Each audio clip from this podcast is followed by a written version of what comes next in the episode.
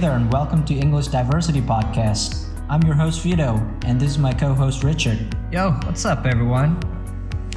We have an awesome lineup waiting for you. That's right.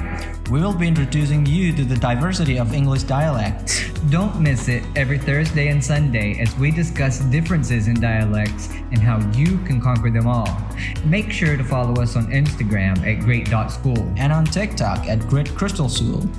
Be sure to join us this Thursday for our very first episode of English Diversity. I'm sure you're going to enjoy it.